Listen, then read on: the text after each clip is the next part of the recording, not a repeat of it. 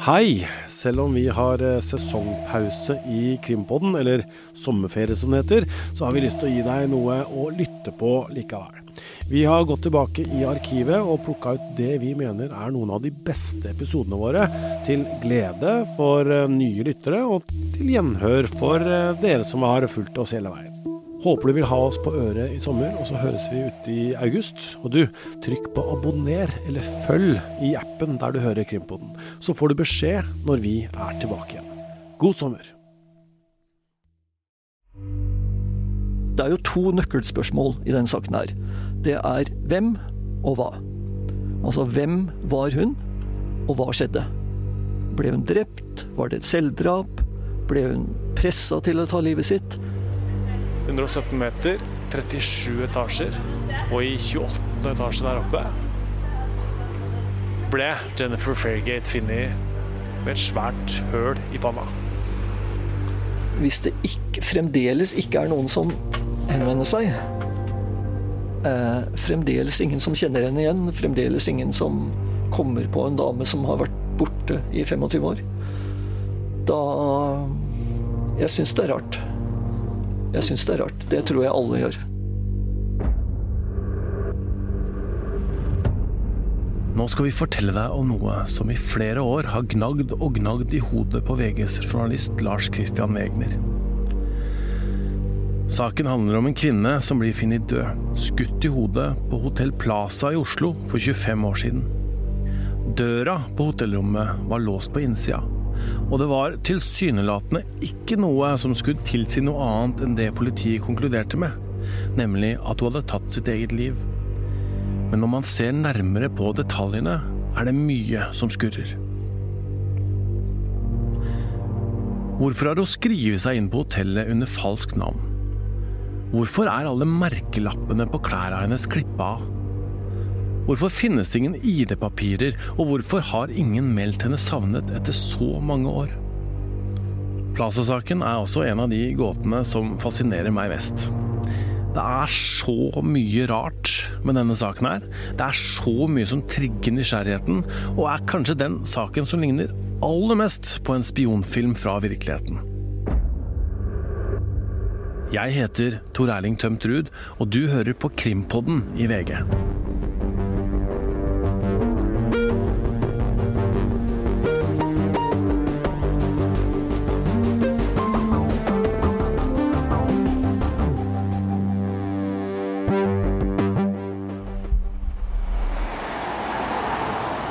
Og så går man da under her, og så bare bang! Kommer Oslo Plaza opp.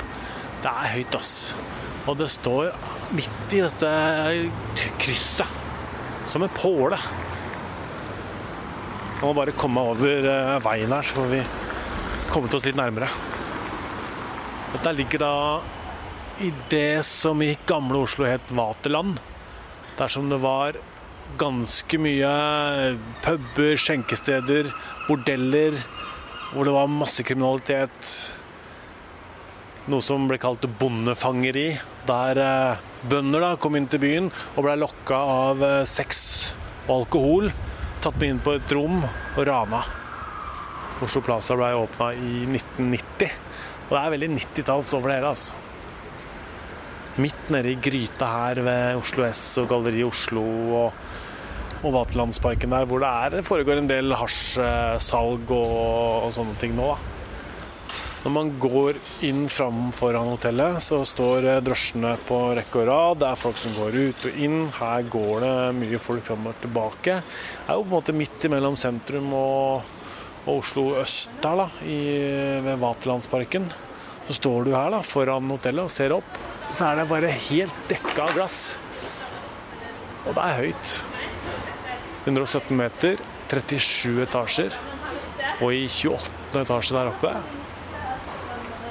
ble Jennifer Fairgate funnet med et svært høl i panna. Vi må tilbake til juni 1995. Det hadde vært streik i politiet, og ekstremflommen på Østlandet prega nyhetsbildet. Jeg gikk i 9. klasse, det som nå heter 10., og jeg husker at vi sykla ned for å se på flommen i Glomma. Vannstanden var så høy som jeg aldri har sett den før eller siden. I Oslo sjekker en ung kvinne med kort, svart hår og lang, svart skinnfrakk inn på Oslo Plaza. Det er et flott hotell nå også, men den gangen var det helt nytt. Og det var der kjendiser og toppolitikere bodde da de var i Oslo. Kvinnen fyller ut et registreringskort, som alle andre gjester. På lappen skriver hun navnet Jennifer Fairgate. Alder 21. Bosted en liten by i Belgia. Av en eller annen grunn så viser hun ikke noe ID når hun sjekker inn. Hun får tildelt rom 2805 i 28. etasje. Et businessrom. Sette meg litt i gang med hva du vil. Jeg, Ja, ikke sant? jeg vet jo du har noen gående, så du må jo bare Ja da. Det er bare for ja. mm.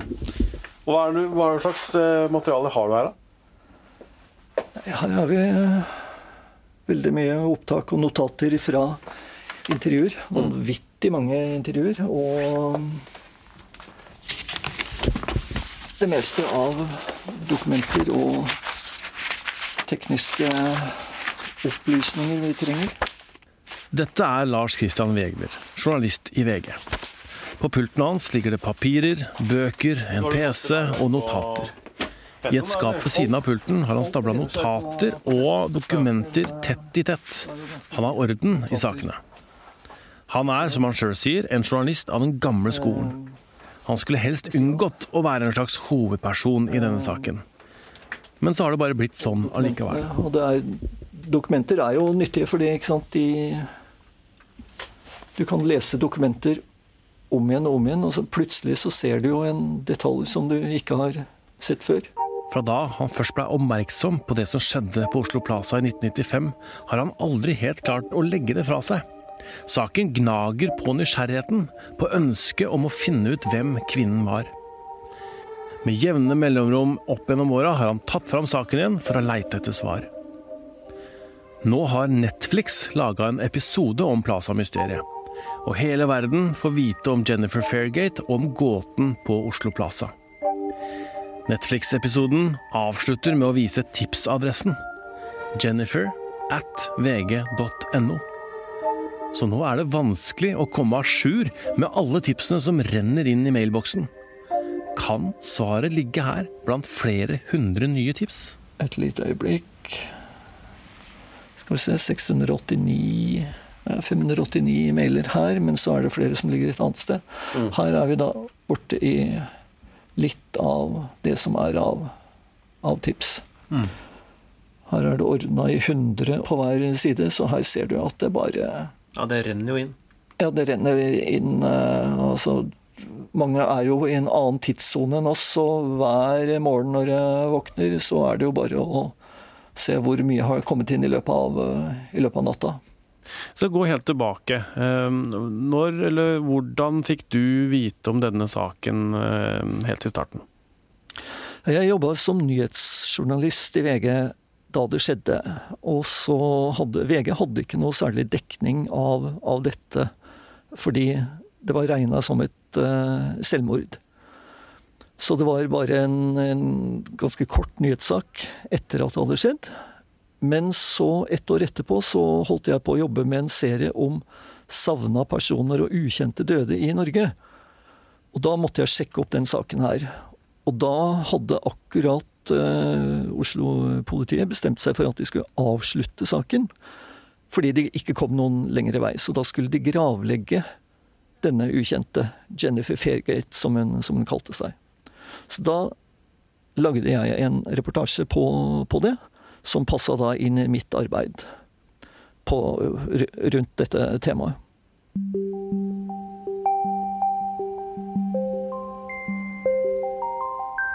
Tilbake på Plaza i 1995. Tre døgn etter at den unge kvinnen med det korte, svarte håret sjekker inn, banker en sikkerhetsvakt på døra hennes. Det er lørdag kveld, pinseaften, og personalet har oppdaga at kvinnen har bodd tre dager på hotellet uten å betale en krone, og uten å vise kredittkort. Sekunder seinere hører vakta et skudd. Han blir redd. Gjemmer seg først, men løper så for å hente hjelp. Rommet er ubevokta i 15 minutter. Hun blir funnet død liggende på senga med beina utafor med et skudd i hodet. I den høyre hånda holder hun en pistol, en Browning 9 mm. Den hviler i hånda på brystet hennes. Politiet konkluderer ganske raskt på at hun har tatt sitt eget liv. Men det er flere ting som er underlig med Jennifer Fairgate. Obduksjonen viste at hun ikke hadde blod eller kruttslam på hendene, selv om hun hadde pistolen i hånda da hun ble funnet. Det fantes ingen lommebok eller ID-papirer, ingen koffert, ingen personlige eiendeler som kunne fortelle noe om hvem hun var. På pistolen var serienummeret borte. I tillegg var alle merkelapper klippa av klæra. Det skulle også vise seg at navnet og de fleste opplysningene hun hadde skrevet ned på registreringskortet på Oslo Plaza, var falskt. Det gjør politiets arbeid vanskelig. Alt som kunne identifisert henne, var systematisk fjerna. Alle merkelapper var klippet ut av klærne. Eh, hun hadde ikke noe pass, ikke noe førerkort, eh, ingen Ingen briller, ingen kosmetikk, ikke noe lesestoff, ikke noe av det som du vanligvis har med deg når du er på reise. Altså sånn nøkler til eh, husdøra hjemme, f.eks. En bil du har satt fra deg et, et sted. Det var ingen sånne, sånne ting. Alt var systematisk fjerna. Eh, så det var tydelig at dette var en kvinne som ikke skulle huskes. Og, men om det er hun som har fjerna det sjøl, eller andre som har gjort det, det vet vi jo, det vet vi jo ikke. 25 år seinere har ingen meldt henne savnet. Hvordan er det mulig? Det er jo helt forunderlig. Altså, dette var en ung, ung dame. Noen må jo ha savna henne allerede den gangen. Hadde det vært en gammel mann på 75 år som hadde isolert seg for, for i mange tiår, bodd i en hytte i skogen, så kan jeg forstå at ingen savner vedkommende. En person som ikke vil ha kontakt med familie, som ikke møter andre. Da kan du forstå det. Men dette var en ung dame på 24 år. Hun, det er jo folk som må ha kjent henne. Det er folk som har Hun har hatt kjærester, venner, slektninger, skolekamerater, lærere, kolleger. Noen må vite hvem hun er. Og ingen, hvorfor har ingen meldt henne savna? Og hvorfor er det ingen som har gjenkjent henne? Det vet vi ikke, men jeg tenker jo at det kan jo være at det er noen som ikke ønsker at hun skal bli funnet. Det er vel en nærliggende tanke. Hvem var hun, og hva gjorde Jennifer i Oslo? Opprinnelig så hadde etterforskerne fem forskjellige teorier. Det ene var at hun kunne være del av en narkotikahandel som gikk i vasken, eller del av en kriminell eh, organisert forbrytelse. Hun kunne være en etterretningsagent for en eller annen hemmelig tjeneste, altså en spion. Hun kunne være en attentatkvinne. At hun var på Oslo Plaza fordi hun skulle ta livet av en eller annen person. Der eller i Oslo eller i Norge. En annen teori var jo at hun var en luksusprostituert. Eh, og så var det en teori at hun kunne være en deprimert eller syk, eh, psykisk syk kvinne som, som bare ønska å ta livet sitt. Eh, ingen av teoriene har jo vist seg å, å holde mål, men ingen, alle er jo like plausible i, i dag. Så, så egentlig så kan hun godt være hvilken som helst av de teoriene i, i dag. Ett års etterforskning ga ikke politiet noe svar på hvem hun var, og det blei beslutta at hun skulle legges i en anonym grav på Vestre Gravlunden i Oslo. En VG-fotograf, en etterforsker, noen fra begravelsesbyrået og kirkegårdsarbeidere følger henne når hun senkes i jorden. Jeg fikk jo som sagt ikke, ikke vært der sjøl, men jeg har jo sett bildene. Og mm. Det var jo en veldig rar eh, Det fortalte jo fotografen også, at eh, det var en veldig rar stemning. Fordi det er et dødt menneske som eh, går ut av dette livet, skal legges i jorda, og det er ingen som vet hvem hun er. Ingen som kan felle en tåre, eller ingen som kan minnes henne eller si noe, noe pent om henne. Opp gjennom åra så glemte Lars Christian aldri Jennifer Fairgate, som lå i denne anonyme graven. Eh, politidokumenter de er ikke offentlige i Norge. Så derfor må du søke om innsyn for å kunne lese det.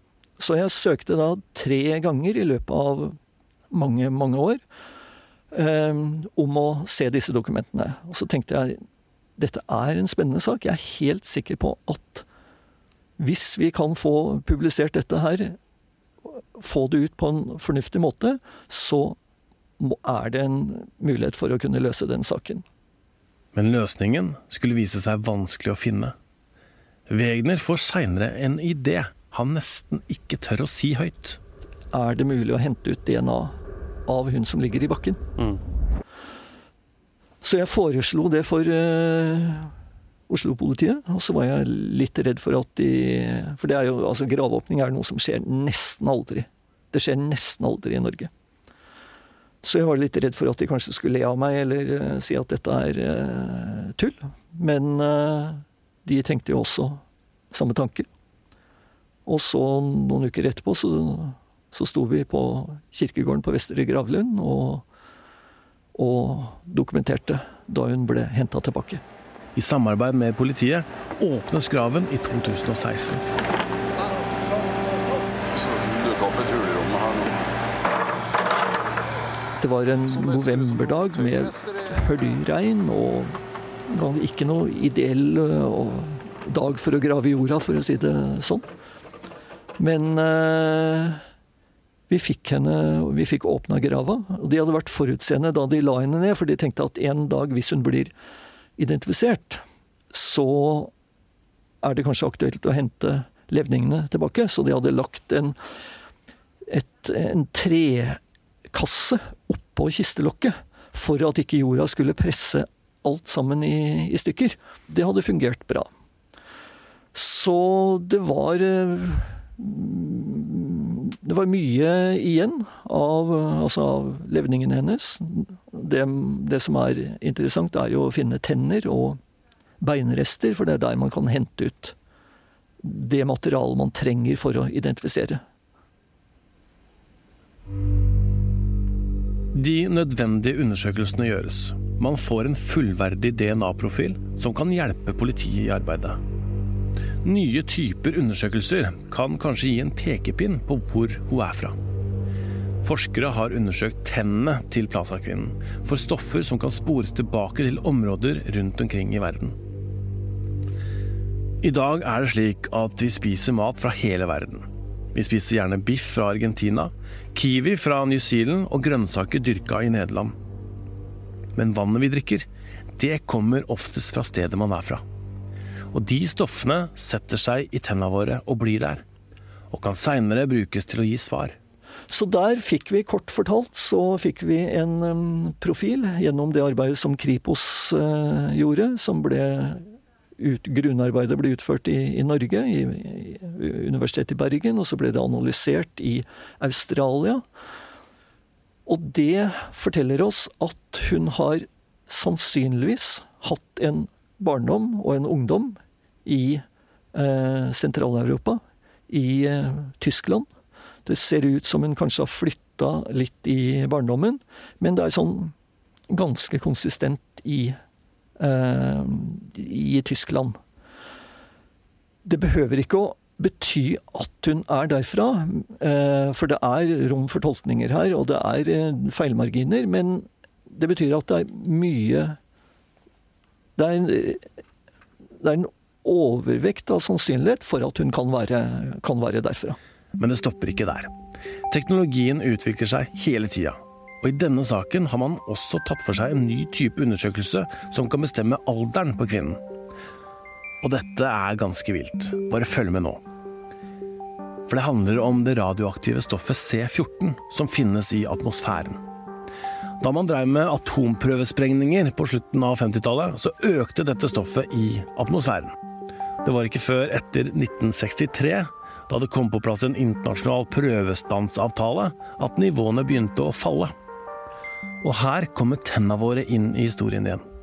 For dette radioaktive stoffet fester seg i tannemaljen vår. Det kapsles inn. Det gjorde det også i tenna til Plaza-kvinnen. Og det er nøkkelen i den, eh, den, saken her. Så gjennom å se på denne kurven eh, for eh, radioaktive isotoper i atmosfæren, og ved å se på hvilke tenner det er, for vi vet jo at tenner dannes til hvilken til forskjellige aldre, Så når vi da vet hvilke tenner det er, og vi sammenligner nivået av radioaktivitet som det er kapsla inn i tenna, så kan vi, ikke vi da, ikke jeg, men forskerne, eh, se og si med ganske stor grad av sikkerhet at så gammelt var dette mennesket da tanna ble, ble danna. Og det har gjort at vi i dag tror at hun var eh, Plasekvinnen var 24 år da hun døde. At hun sannsynligvis var født i 1971, pluss-minus ett år. Og dette er en fascinerende teknologi som eh, er svært få har hørt om. Mellom alle dokumentene og notatene blar journalist Wegner i åstedsbildene fra hotellrommet. Et av dem viser Plaza-kvinnen fra brystet og opp til såret i panna. et eh, stort gapende sår. Det, dette er det som heter kontaktskudd. Det betyr at våpenet har vært i kontakt med huden. Det er det som gir eh, den type skader. Så er det da dette underlige grepet på, på våpenet. Som du ser, så, så ligger jo våpenet da i hånda hennes. Det ser ut som et et ganske løst grep, eh, for hånda er ikke knytta rundt eh, skjeftet, men det holder likevel våpenet. Og tommelen ligger da på avtrekkeren og holder avtrekkeren inne. Og så har, Fordi det er da halvautomatisk, så er jo neste patron allerede inne i kammeret, og eh, hanen er spent. Det skjer automatisk. Så den ene åstedsgranskeren han måtte jo da løsne fingeren hennes fra avtrekkeren, og da hørte han klikket idet avtrekkeren spretter tilbake til den opprinnelige posisjonen. Så er det da Du ser eh, det finnes vi, vi kan jo ikke se noe blod. Det er ikke noe synlig blod. Og vi har jo nærbilder av henne hvor det er ikke noe synlig, eh, synlig blod. Eh, det er jo det er ikke bevis for noe som helst. Men det er, det er litt påfallende når du vet at blodtapet har vært så stort som det har vært, og blodspruten har vært så, så stor. Og så er det da ingen avsetninger av sot fra, eller krutt fra våpenet på, på henda hennes. Men det er heller ikke bevis for, for noe. Men det er, det er, det som mange, både etterforskere og obdusenter, leger, sier er påfallende. Det er rart at den som bruker pistol på seg sjøl, holder den slik etterpå, når man tenker på at det er en ganske kraftig rekyl fra våpenet og sånt. Man får det liksom ikke helt til å stemme at hun kunne gjort det helt aleine. Men så var jo døra inn til rommet låst fra innsida. Hotellets låsesystem fungerte slik at hvis du dro håndtaket opp, så ble døra låst, og du kom ikke inn med et vanlig låsekort fra utsida. Men kan noen ha tukla med låsen? Så dette var jo en, en gåte i 25 år. Og det var den dobbeltlåste døra. Den har vært da viktig for politiets konklusjon om at dette var høyst sannsynlig var et selvdrap. Sammen med andre ting, da, altså at det ikke var spor på, på rommet av slåsskamp eller noe sånt, at det ikke var spor av at flere hadde vært der. Det, det er det som politiet kaller en helhetsvurdering. Men sentralt har vært at eh, døra ikke kunne øh, åpnes. Men så fikk jeg da ny informasjon. Eh, det var en teknisk sjef på et hotell som hadde akkurat samme låsesystem, som syntes at dette var veldig spennende. Dette er, dette er et låsesystem som heter Timelocks. Det er samme låssystemet som satt på Hotel Plaza i 1994. Så han fant ut at han ville gjøre et forsøk. Så han testa ut med en tråd rundt dørhåndtaket. Det er en helt Donald Duck-metode. En tråd rundt uh, dørhåndtaket på innsida av døra. døra. Tråden går over døra og ut i gangen. Nå er jeg gjesten. Mm.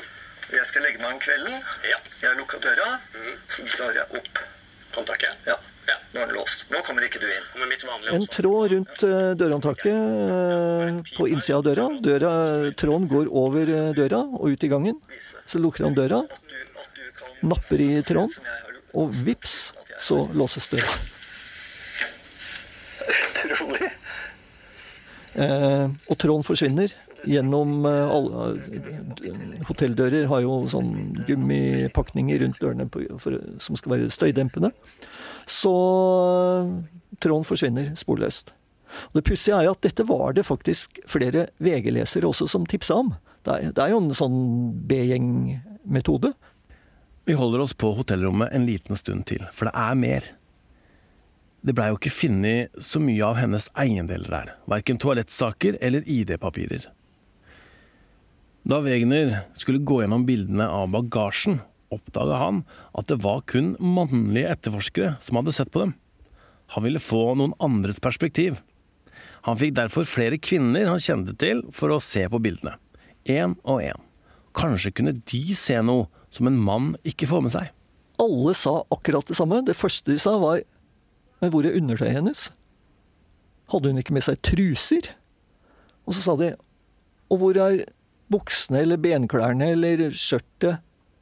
Det er jo ikke noe Og så skjønte jeg jo plutselig Så så jeg jo det som var helt opplagt. Altså, det var ingen truser annet enn en som hun hadde på seg da hun ble funnet død. Men ikke noe reservetruser. Ingen, ikke noe skjørt, ikke noe bukser. Kun ett par sko. Og som mange av damene sa, hvem er det som vil seg sjøl Ingen dame vil seg sjøl så vondt at du går en hel dag i en by med høyhæla sko, og til og med inne på hotellrommet. Det er jo vitner som har observert at, det, at hun har hatt mer ting med seg. Og det betyr at en del av bagasjen hennes er borte. Men vi vet ikke hvordan den ble borte, hvordan den forsvant, hvem som, hvem som gjorde det, om det er hun som har gjort det sjøl, eller om andre har fjerna det, det vet vi ikke. Men vi vet at noe er borte. Wegner har gjort mye for å få klarhet i hva som skjedde. Undersøkelsene hans har avdekka at hun var borte fra hotellrommet sitt i nesten ett døgn, men ingen veit hvorfor. Han har tatt med seg erfarne etterforskere for å rekonstruere åstedet. Han har gjentatte ganger vært i Belgia, i den lille byen Verlaine, for å sjekke opplysningene hun oppga da hun sjekket inn på Oslo Plaza. Det meste hun skrev, stemmer ikke, selv om det kan se ut til at hun har hatt et slags kjennskap til dette lille stedet. At hun muligens kommer fra Tyskland, har han også fulgt opp. Han har bl.a. hatt et samarbeid med avisen Bilt Zeitung, der de publiserte en sak om Plaza-kvinnen. I håp om at noen ville kjenne henne igjen. Avisa kan skilte med rundt 12 millioner daglige lesere. Men svaret han helst ville ha, har ikke kommet. Men han gir ikke opp. Kan en banebrytende metode som brukes i USA, kanskje gi et svar? Metoden har avslørt drapsmenn, som f.eks. The Golden State Killer, en massedrapsmann som herja på 70- og 80-tallet i USA. 35 år seinere ble han tatt med den nye metoden genetisk slektsforskning.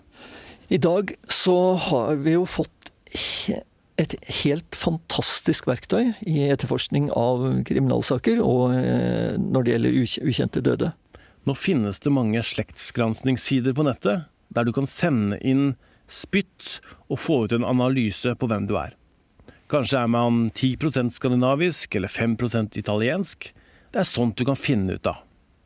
Vanligvis så gir ikke disse private organisasjonene politiet tilgang til å lete etter folk, men noen gjør det. Og så finnes det i tillegg en annen base som det er mulig å laste opp, frivillig laste opp eh, dine egne tester til, og der får politiet eh, lete. Og det er ikke sånn at du, at du får et svar pling, dette er en uh, drapsmann. Eh, men la oss si at du har et At du har DNA fra en, en ukjent drapsmann i Norge. Så eh, En antatt drapsmann, da.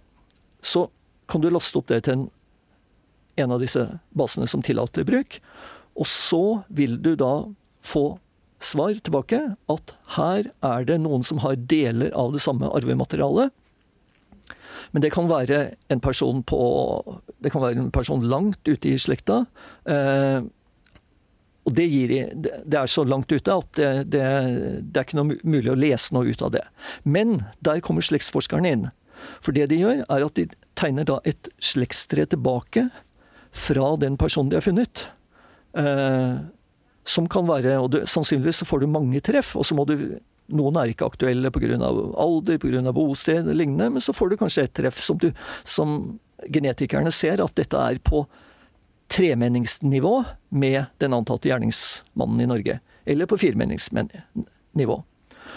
Er det på tremenningsnivå, så betyr det at du må at den personen har hatt samme oldefar som eh, den antatte drapsmannen. Mm. Er det på firmenningnivå, så er det en, eh, en felles eh. Og sånn jobber slektsforskerne.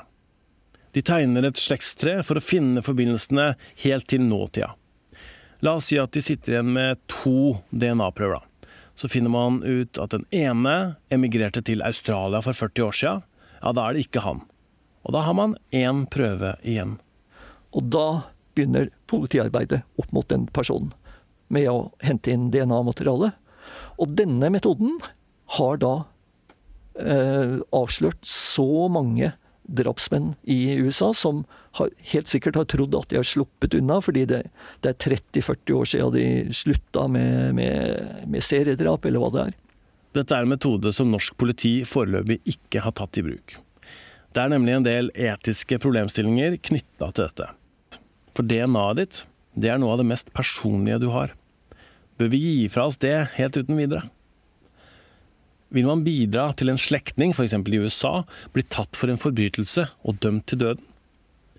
Eller kanskje et familiemedlem som blir dømt for en filleting som skjedde for mange år tilbake? Samtidig mener Wegner at dette kanskje kan være en metode som kunne gitt svar i denne saken. Så det har vært et fantastisk verktøy. Det er, er vel ingenting som har revolusjonert eh, politiarbeid mer siden, siden DNA eh, kom. Grunnen til at denne saken fascinerer meg så mye, er jo å tenke på hva hun kan ha gjort i Norge. Klærne uten lapper, falsk navn, pistol uten serienummer. Det fører jo til spørsmålet kan hun ha vært en spion? Det var jo en av politiets teorier. For hvis vi legger til grunn at hun kommer fra Tyskland, og dette ikke er lenge etter at jernteppet falt, mye politisk uro i Europa etter den kalde krigen. Og så har man det hemmelige politiet i det gamle Øst-Tyskland, Stasi. I spionfilmer så har vi sett at de tok barn og oppdro og trente dem til å bli agenter. Kan det være sånn? Akkurat det du sier der, er det jo mange eh, tipsere fra Tyskland som har, eh, som har tatt opp og sagt at dette skjedde i vårt land den gangen. Og det er ikke, det er ikke, det er ikke lenge siden. Muren falt i 89. Og hun er jo Altså, hun ville vært 18 år i Eller hun var 18 år da Ca. 18 år da muren, muren falt. Og, og, det var barn som vokste opp på barnehjem, og som ble benytta eh, til forskjellige oppgaver. Så det er Det er en, det er en mulighet. Jeg kan verken gå ut fra det eller, eller, eller forkaste teorien. Men, men, det er mange, mange tipsere som har vært opptatt av akkurat eh, det der. Nå ligger episoden om Plaza-kvinnen på Netflix under serien Unsolved Mysteries. Netflix har millioner av seere. Og kanskje en av dem som ser på episoden, drar kjensel på Plaza-kvinnen. Det er jo som en kriminalroman, en, en fiksjon. Eh, men, men du blir på, jeg tror du på en måte blir litt irritert av at du ikke finner noen, noen, eh, noen svar. Det bare fortsetter med nye spørsmål og nye spørsmål. Og jeg, jeg, tror det er en av grunnene til at dette har blitt en internasjonal uh, sak. Så får vi bare håpe at det kan føre til at noen gjenkjenner det, for det er jo det som er hele poenget med dette her. Flere detaljer om Jennifer Fairgate finner du på VG. Bare søk på Plaza-kvinnen, og i denne spesialen som Lars Kristian har laga, så kan du gå rundt i hotellrommet og klikke på de forskjellige sporene. Produsent for Krimpodden er Vilde Våren. Jeg heter Tor Erling Tømt Ruud. Askild Matre Aasarød har klippa episoden. Musikken er laga av Ronny Furuvik, og Magne Antonsen er teknisk ansvarlig. Neste torsdag kommer det en ny episode av Krimpodden, og i mellomtida kan du sjekke innom gruppa vår på Facebook.